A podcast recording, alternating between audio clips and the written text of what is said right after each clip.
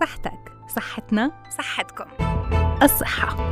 حالة اكتمال السلامة الجسدية والعقلية والاجتماعية مش بس انعدام المرض أو العجز. حافظ على صحتك لتعرف قيمتها قبل ما تفقدها وتحافظ على الوسادة الناعمة اللي رح تستند عليها أيام شيخوختك لتضل بصحتك تابعنا ببرنامج الصحة عال إعداد وتقديم سماح منصرة لتضلها صحتكم عال العال.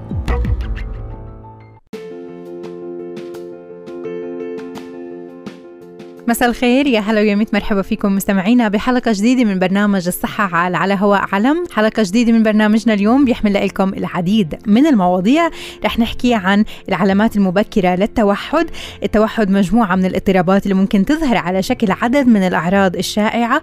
يمكن لهاي الأعراض أنه تتسبب في تأخر التطور بما في ذلك الكلام التواصل اللعب والتفاعل والتعلم بوجه عام. الأعراض اللي ممكن تظهر على الطفل ممكن ما يلاحظها الأهل في بدايتها لأنه ما بيعرفوا أنه هاي علامات التوحد. فاليوم إحنا بدنا نحكي عن العلامات المبكرة للتوحد وكيف بالإمكان آه، الأهل ملاحظتها.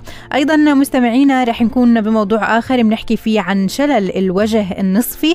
آه، ممكن يكون نتيجة لبعض الإصابات أو نتيجة للفحات الهواء مثل ما هو شائع. إحنا رح نعرف اليوم إذا كانت هاي الأسباب وحدها هي اللي بتأدي لشلل الوجه النصفي ولا في أمور ممكن تتعلق بالوراثة وأيضا في أمور ممكن تتعلق بأمراض وتكون هاي من المضاعفات لإله. العسل مستمعينا عبارة عن مادة غذائية هامة فيها الكثير من السكريات أغلبها أحادي وكمان فيها خمائر وأعماض أحماض أمينية وفيتامينات متنوعة. اليوم بدنا نحكي عن العسل تركيبته أيضا فوائد والكميات المسموح تناولها من العسل. كمان اللي تعرضوا لعضة الحيوان إسعاف هاي العضة كيف الإمكان أنه يكون؟ كيف الإمكان أن نقدم؟ أيضا الإسعافات الأولية لهؤلاء الأشخاص. كونوا معنا بتفاصيل كل هاي المواضيع وأيضا أخبار صحية من العالم بنوافيكم فيها عبر موجة علم وبرنامج الصحة عال. من هلأ بنبدأ. يسعد مساءكم مستمعينا هلا فيكم لأولى المواضيع اللي رح نناقشها لليوم. كثيرا ما بتمنى أباء الأطفال المصابين بالتوحد لو إنهم لاحظوا علامات التوحد مبكرا. شو هي العلامات الأولى للتوحد؟ لدى الرضع وكيف يمكن ملاحظتها؟ لأنه التوحد مجموعة من الاضطرابات اللي ممكن تظهر اللي بتأدي لتأخير التطور بما فيها الكلام التواصل اللعب والتفاعل والتعلم أيضا. فإحنا بدنا نناقش موضوعنا لليوم مع الأستاذة آه، هيا عبد الهادي أخصائية علاج وظيفي من مركز فرح للتأهيل. أهلا وسهلا فيك أستاذي هيا مساء الخير. أهلا فيكي أخت سمر مساء الخير لحضرتك لكل السادة المستمعين عبر اثير راديو علم أهلا وسهلا بحضرتك. أشكرك لأنك حكيتي كلمة اضطراب مش بس يعني كل التحية لك أول حدا بيستضيفني وبيحكي كلمة اضطراب هو شيء صح مش مرض. أكيد أكيد هذا يعني واجبنا إنه إحنا ننتقي هاي المصطلحات لأنه آه، ممكن إنه الكثير من الأشخاص يعني بتأثر فيهم حتى الكلمة.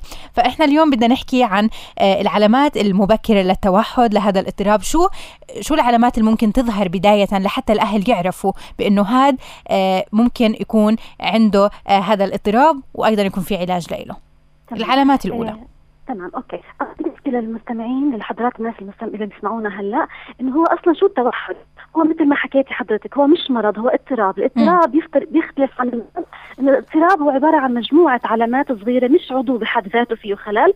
هي مجموعة علامات مع بعضها وهي اضطراب تطوري شامل بيظهر في أول سنوات. وحكت الجمعية الأمريكية إنه هو عبارة عن فقدان القدرة على التحسن في النمو السلوكي بشكل عام. هلأ عشان الناس المستمعين يفهموا أكثر أبنائهم بالكشف المبكر في عندنا أعراض ثلاثة كبيرة أساسية ومنها في أشياء فرعية م. أول الأعراض المهمة آه، اللي هي في نقص في التفاعل الاجتماعي وهون رح يسألونا الناس شو يعني نقص التفاعل الاجتماعي؟ يعني التفاعل الاجتماعي يعني هو عبارة عن نقص التواصل البصري. إنه لما أنا بحكي مع طفل بتطلع فيه وأنا بتطلع فيه في اتصال آه، بصري بيناتنا وفي اتصال بلغة الجسد.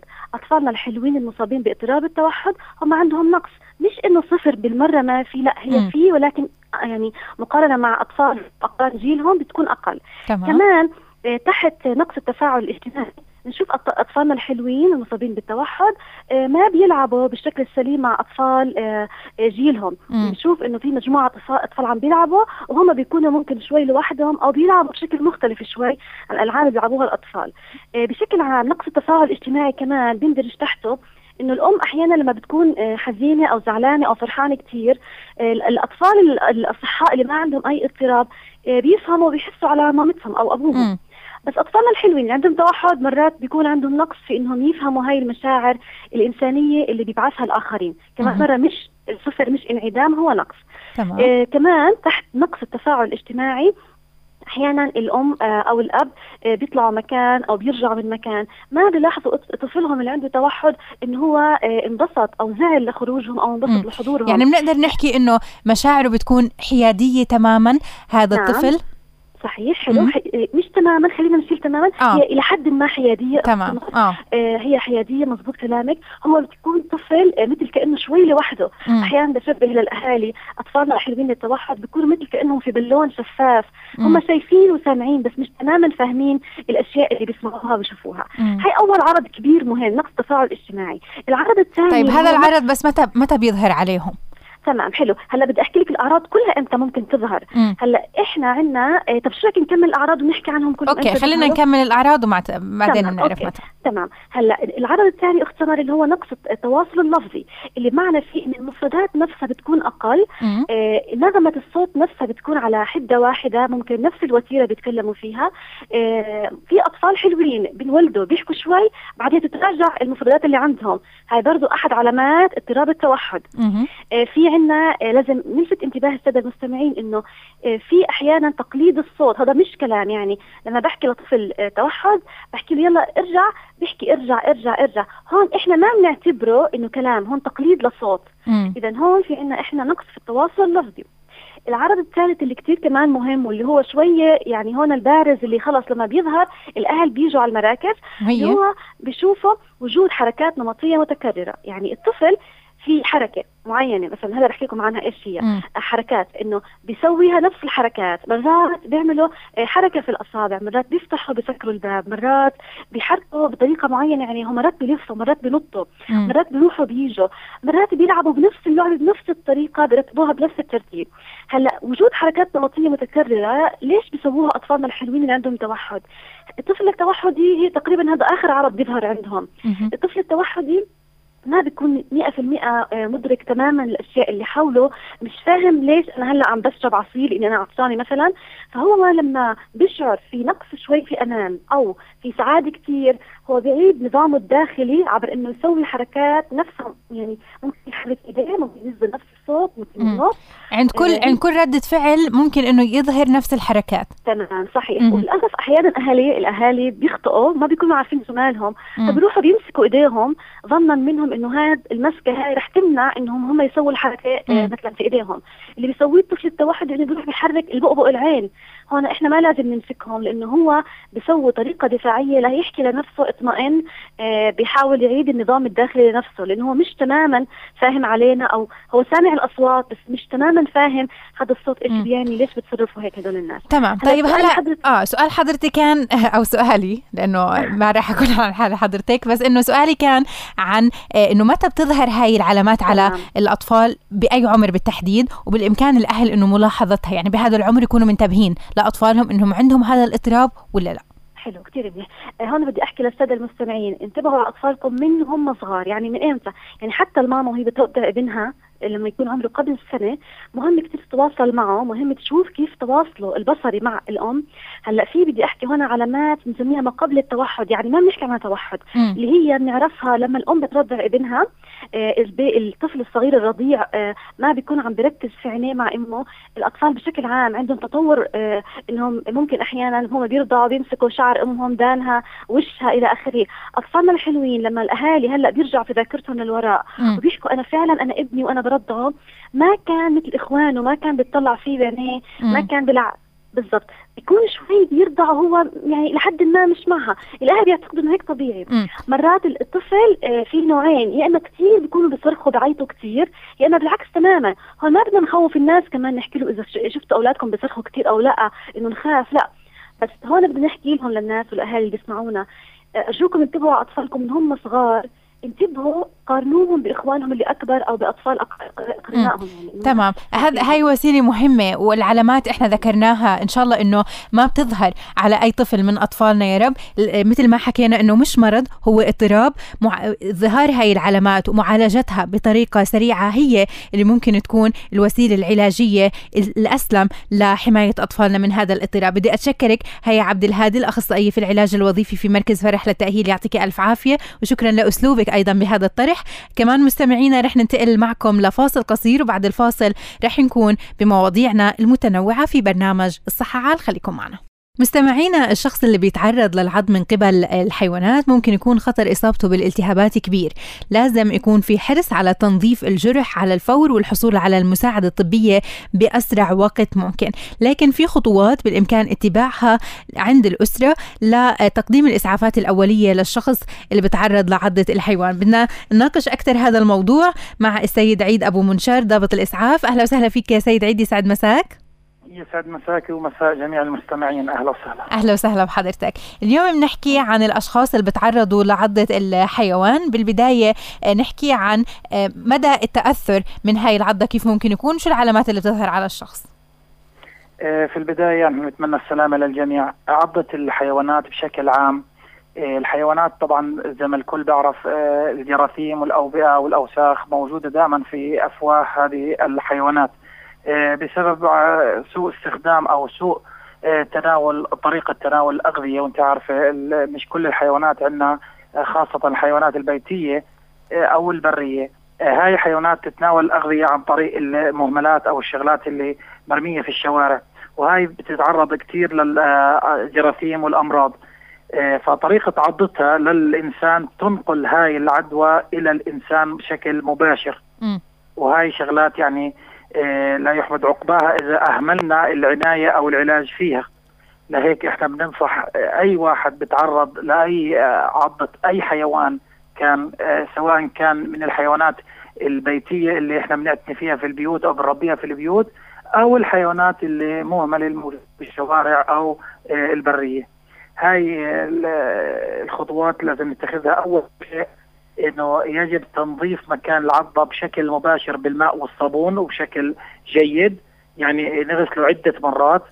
آه الشغلة الثانية يجب نقل المصاب إلى أقرب مستوصف أو أقرب مركز صحي لتلقي العلاج أو آه ممكن إنه يترك مكان العضة تترك آه جرح في جسم الإنسان. تمام. والجرح هذا يعني من خلال إنه النزيف أو الدم اللي بنزل من المصاب نفسه من الإنسان ممكن انها تنقل العود العدوى إلى داخل الجسم. م. وهذا الشيء إحنا ما ما بنحبه يعني. تمام. هلأ الإنسان مثلا في مجتمعنا معرض ممكن يكون لعضة الكلب أكثر شيء آه، ممكن آه، يعني حيوانات ثانية يكون معرض لعضتها. هو اللي بتختلف مثلا ما بين حيوان وآخر؟ مدى تأثير آه، مدى تأثير على الشخص اللي, اللي ممكن يتعرض لهذا الأمر؟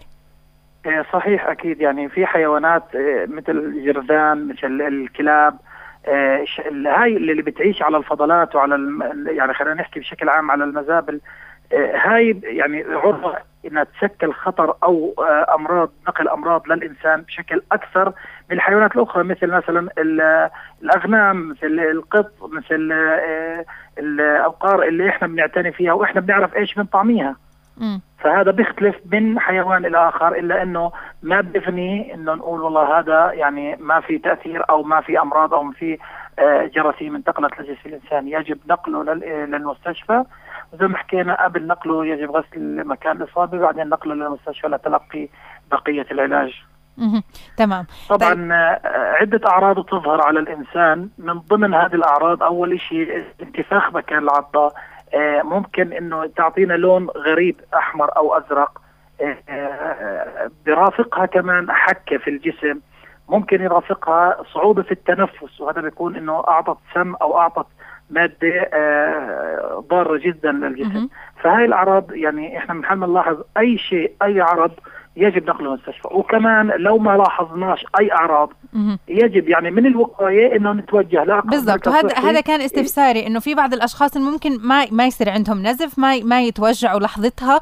فهون إنهم خلص بيحكوا بإنه ما صار شيء.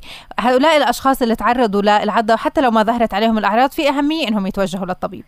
طبيعي لأنه إحنا ما بنضمن ممكن إنه الحساسية أو المرض ينتهي له مش فورا بلحظة القرصه يمكن بعد فترة بسيطة بعد نص ساعة ساعتين فالإهمال في العلاج ممكن يؤدي إلى مضاعفات أكبر.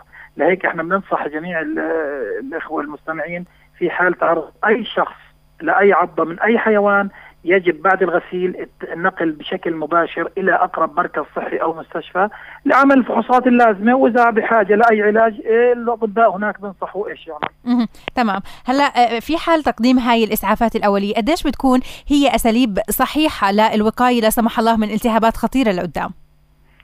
كل ما أسرعنا في التوجه للمركز الصحي وكل ما أسرعنا في تعقيم وتنظيف مكان الجرح بيحمينا أكثر من انتشار المرض. وكل ما تأخرنا أكثر راح يكون في انتشار أكبر وأخطر على حياة الإنسان أو على صحته. شو هاي الالتهابات؟ يعني كيف ممكن إنه الشخص يعرف إنه هذا الالتهاب اللي صار له نتيجة العضة اللي تعرض لها من حيوان؟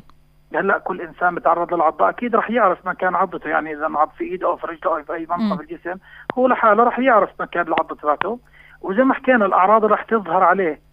صعوبة في التنفس حكة آه زي الحساسية احمرار بكر العضة.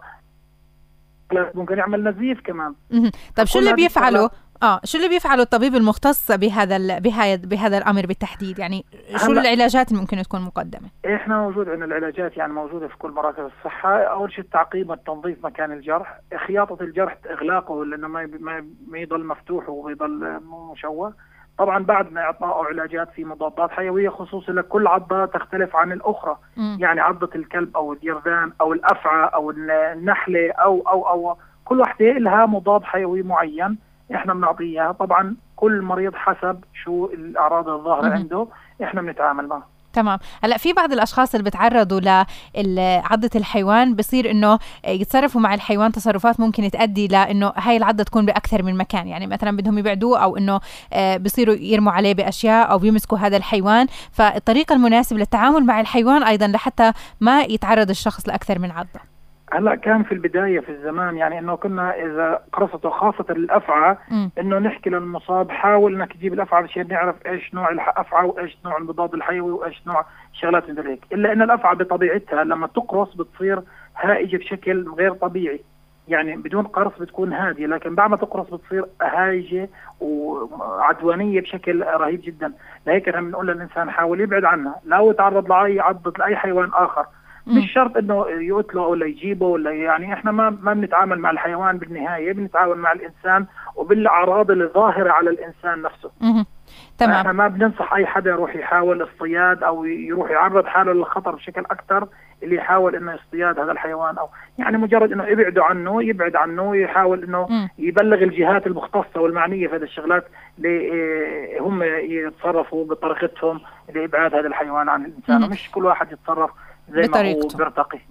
في بعض الاستفسارات اللي بتوصلنا بأنه إذا تعرض طفل صغير لعضة حيوان ممكن هاي العضة تكون قاتلة؟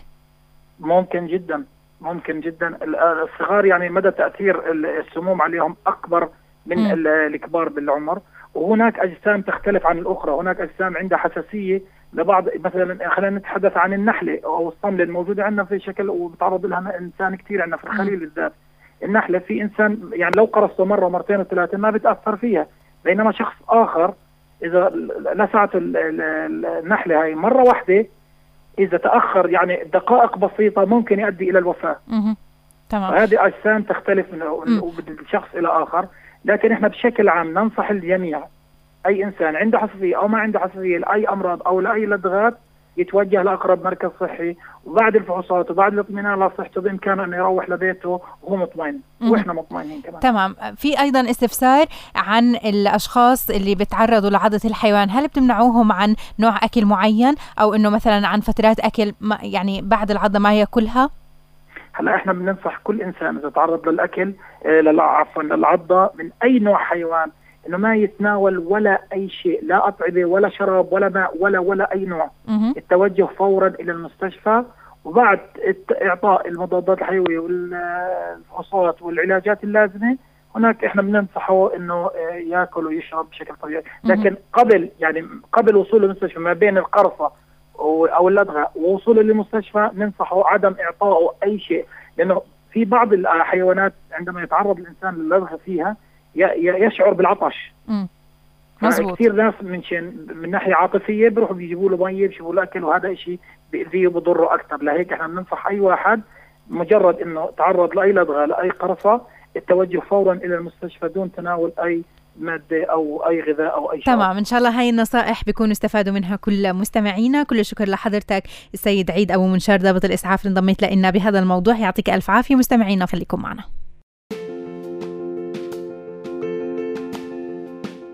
مستمعينا متواصلين معكم عبر مواجهة علم. رح نحكي عن العسل المادة الغذائية الهامة اللي بتحتوي على سكريات أغلبها بيكون أحادي خمائر وأحماض أمينية وأيضا فيتامينات متنوعة. بيتم تصنيع العسل من رحيق الأزهار اللي بتجمعه آه، شغلات النحل من الأزهار المتنوعة والمنتشرة في حدود آه، المرعى حول المنحل. فإحنا اليوم بدنا نحكي عن العسل تركيبه أيضا فوائده. بالإضافة لموضوع آخر نحكي فيه اليوم عن شلل الوجه النصفي. شلل أو ضعف بيصيب أكثر من نصف عضلات الوجه نتيجة الإصابة إصابة العصب السابع بيكون السبب ممكن آه، في كثير من الحالات مجهول ممكن بعض الناس يحكوا آه، لفحة هواء أو ممكن خلل صار عندهم بالفك. فإحنا اليوم رح نحكي عن الأسباب اللي بتؤدي لشلل الوجه النصفي النصفي والعلاجات المقدمة وأيضا أساليب الوقاية. نستأذنكم نروح لفاصل قصير وبعد الفاصل رح نرجع لنناقش مواضيعنا أكيد مع أهل الاختصاص. خليكم معنا. تحياتنا لكم مستمعينا. شلل الوجه النصفي ممكن يصيب كل الفئات العمرية بما فيهم الأطفال. نسبته بين الرجال والنساء متساوية. ممكن تزيد في مراحل الحمل الأخيرة عند السيدات تتفاقم عند الأشخاص المصابين بمرض السكري. ممكن أنه يصيب الجهتين بالإضافة لأنه نسبته في فصل الشتاء بتزيد أكثر. شلل الوجه النصفي الأسباب اللي بتأدي له العلاج والوقاية. بدنا نناقش موضوعنا لليوم مع الدكتور حسن السر استشاري استشاري أمراض جلدية وتناسلية وخبير في تجميل الجلد. أهلا وسهلا فيك دكتور حسن يسعد أوقاتك. أهلا بك يا أختي وبكل الشعب الفلسطيني. أهلا وسهلا بحضرتك. وأهل الخليل بالذات. أهلا وسهلا فيك الله يسعدك. الله اليوم دكتور بنحكي عن شلل الوجه. بداية خلينا نوضح المقصود بهذا الأمر. شو اللي بيظهر على الوجه لحتى نحكي إنه هاي حالة الإصابة بالشلل النصفي؟ نعم. شلل الوجه هو عبارة عن شلل يحدث في ناحية واحدة من الوجه. نتيجة لخلل في وظيفة العصب الوجهي السابع اللي بيخرج من الدماغ يعني م. وهذا الشلل آه، له أسباب متعددة من ضمنها أورام الدماغ والتهاب السحايا والجلطة الدماغية ومرض السكر أو خبطة في الدماغ التهاب الأعصاب التهاب بكتيري مثل ما يشبه التدرن sarcoidosis والبروسيلا. كذلك حتى في الأطفال. يول ربما يولد الطفل الذي تعاني أمه من فيروس ال HIV بشلل العصب السابع في الجهتين. م.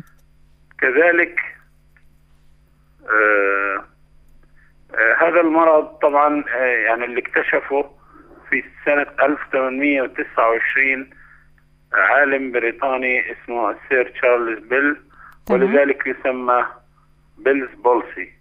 مظبوط. أو شلل بيل. شلل العصب مم. الوجهي.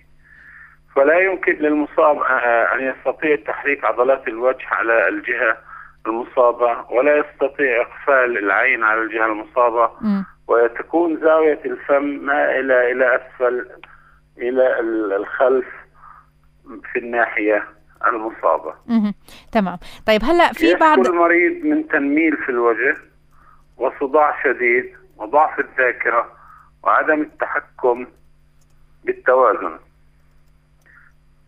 آه، وقلنا آه، لا يستطيع المريض اغفال عينه في الجهة المصابة. تمام يعني هاي الأعراض. بس إنه دكتور في بعض الأشخاص اللي بيصيروا يفسروا الأسباب. يعني بعض الأشخاص اللي بيحكوا بإنه آه، نتيجة لفحة هواء بعض الأشخاص هو أكثر يعني الأسباب الشائعة إنه بيحكوا خلص دائما لفحة هواء أو إنه مثلا بعض الأشخاص اللي بيحكوا عندهم مشكلة بالفك فقاموا ب يعني عملية للفك لحتى إنه يستريحوا بالحركة. فقام إنه من الأعراض اللي صارت عندهم اللي هو صار عندهم يعني إنه الفم صارت زاويته للأسفل. فنحكي بالسبب اللي إذا كان واضح للإصابة بشلل الوجه النصفي. هو لفحه الهواء غير واردة في الأسباب. م. بالرغم إنه متعارف بين الناس إنه مثلا سائق يسير طول النهار بالسيارة وفاتح الشباك يتعرض مثلا الجهه اليسرى لتيار هواء بارد ولمدة طويلة. أحيانا يصاب لسبب آخر وليس بسبب التعرض للفحه الهواء. إنما ربما يكون السبب فيروسي زي الحزام الناري ومرض الهربس البسيط. إذا صاب العصب فيؤدي إلى الشلل الوجهي في الناحية المصابة. ودائما يعني المرض يصاحبه الشلل في الناحية المصابة إلا إذا كان جلطة دماغية فتؤثر على الجهة العكسية من الوجه. وهذه تميز بأنه يكون هناك آه، ضعف في آه، عضلات الذراع والفخذ والجهة اليمين. يعني مثلا إذا كانت الجهة الشمال مصابة ف في يعني السبب في الدماغ في الناحية الشمال تكون الجهة اليمين هي المصابة. تمام. بالإضافة لشلل الوجه هناك شلل في الطرفين. في الناحية اليمين. امم تمام. طيب هلأ كمان دكتور؟ التعرض لهواء بارد يعني بعيد آه ما بتكونش دقيقة. تمام. طيب هلأ في أيضا إنه بعض الأسباب اللي بتتعلق بالحمل يعني ممكن إنه السيدة تكون معرضة للإصابة بشلل الوجه النصفي في الثلث الأخير من الحمل صحيح؟ وليش إذا كان الحكي صحيح؟ لا الحمل ليس له علاقة مم. بالشلل الوجهي إنما ربما يكون مثلا سبب آخر مثل الإصابة بالسكر الالتهاب البكتيري الالتهاب الفيروسي زي ما حكينا الهربس والحزام الناري ربما يكون هو السبب وليس الحمل ليس يعني للحمل مجال للاتهام بانه يسبب شلل الوجه النصفي تمام. قديش ممكن الوراثة تلعب دور بالإصابة بهذا المرض؟ وحتى الولادة يعني الوراثة الوراثة عفوا. الوراثة. مم. لا الوراثة ليس لها علاقة بالموضوع. يعني إذا كان مثلا الأب مصاب يعني مش ممكن الابن. السكر والوالد مثلا جاره ممكن هو يعني لأنه مصاب بالسكر مثلا يصاب بالشلل الدماغي تمام. طيب العلاج العلاج كيف يكون؟ سواء العلاج من خلال الأدوية أو حتى العلاج من خلال آه، اتباع العلاج الطبيعي والايضا يعني الأمور اللي ممكن تتبع. لابد لابد من الالتزام بجرعة الكورتيزون الذي يصفها الطبيب. فهذه تؤدي إلى تحسن خلال آه ثلاث أسابيع. وحوالي 85% من المصابين يتحسن خلال ثلاث أسابيع. بحيث تكون الجرعة دقيقة ومضبوطة ويلتزم بها المريض. تمام. بالنسبة و... للعلاج الطبيعي؟ ربما تحتاج مدة أطول. آه يؤدي إلى شفاء تام خلال ثلاثة أشهر مثلا. مم. هذا يعني العلاج الدوائي. العلاج آه، الطبيعي. إذا كان في إصابة فيروسية نعطي المريض مضاد للفيروس. م. العلاج الطبيعي مهم جدا.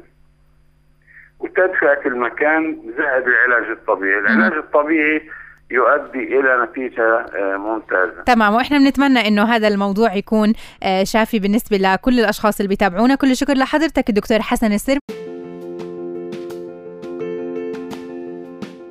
مستمعينا متواصلين معكم عبر موجة علم بعد الفاصل رح ننتقل لموضوع آخر موضوع تغذية لليوم. نحكي فيه عن عسل النحل وأهميته لما أنه نعرف تركيبة تركيبة العسل الكيميائية بالإضافة للعسل أثناء الطهي هل ممكن يفقد من قيمته الغذائية؟ أهمية تناول العسل وأيضا العلاقة ما بينه وما بين زيادة الوزن لأنه بعض الأشخاص ما بيتناولوه خوفا من زيادة الوزن.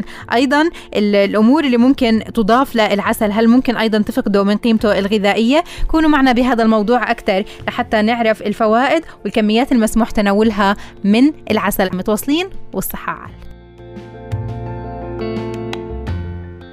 متواصلين معكم مستمعينا عبر موجة علم 96.1 اف ام نحكي عن العسل آه، عبارة عن مادة غذائية هامة بتحتوي على سكريات أغلبها أحادي وخمائر وأحماض أمينية وفيتامينات متنوعة. بتم تصنيع العسل من رحيق الأزهار اللي بتجمعه شغالات النحل من الأزهار المتنوعة والمنتشرة في حدود آه، مرعى النحل وأنه بتحول هذا الرحيق عبر عمليات الهضم الجزئي وتقليل الرطوبة لسائل سكري يخزن في العيون السداسية. فاليوم إحنا مستمعينا بدنا نحكي أكثر عن العسل تركيبته وأيضا إقبال الناس على شرائه وتناوله مع آه، جمال محمد سياعري صاحب عسل صاحب مكان للعسل ومزارع النحل أهلا وسهلا فيك أستاذ جمال صباح الخير أو مساء الخير عفوا. أهلا وسهلا مساء الخير أهلا وسهلا. أهلا وسهلا بحضرتك. اليوم نحكي عن العسل. بداية خلينا نوضح للمستمع الكريم عن العسل تركيبته وأيضا كيف بتم آه، جمعه. يا ستي العسل اللي الناس بتاكله بتم جمعة في بعد فصل الربيع. في أواخر شهر ثلاثة. بيبدأ في العسل النحل في جمع العسل في شهر أربعة عندنا تيبس النوار. لأن الرحيق اللي بيجمع في أثناء الربيع كله بيبقى يطعم لأنه بيبقى فيه تكاثر. تمام. تكاثر كبير جدا. يعني كل اللي بيجمع بوكل النحل. فبيبدأ يخزن في بداية شهر أربعة بعد نص أربعة تقريبا إلى حتى نقطف العسل. لأن العسل بدأ يعني بتصير صلبة النوارة فبصير يجيب منها بصير عنده فائض بصير يخزن فيه.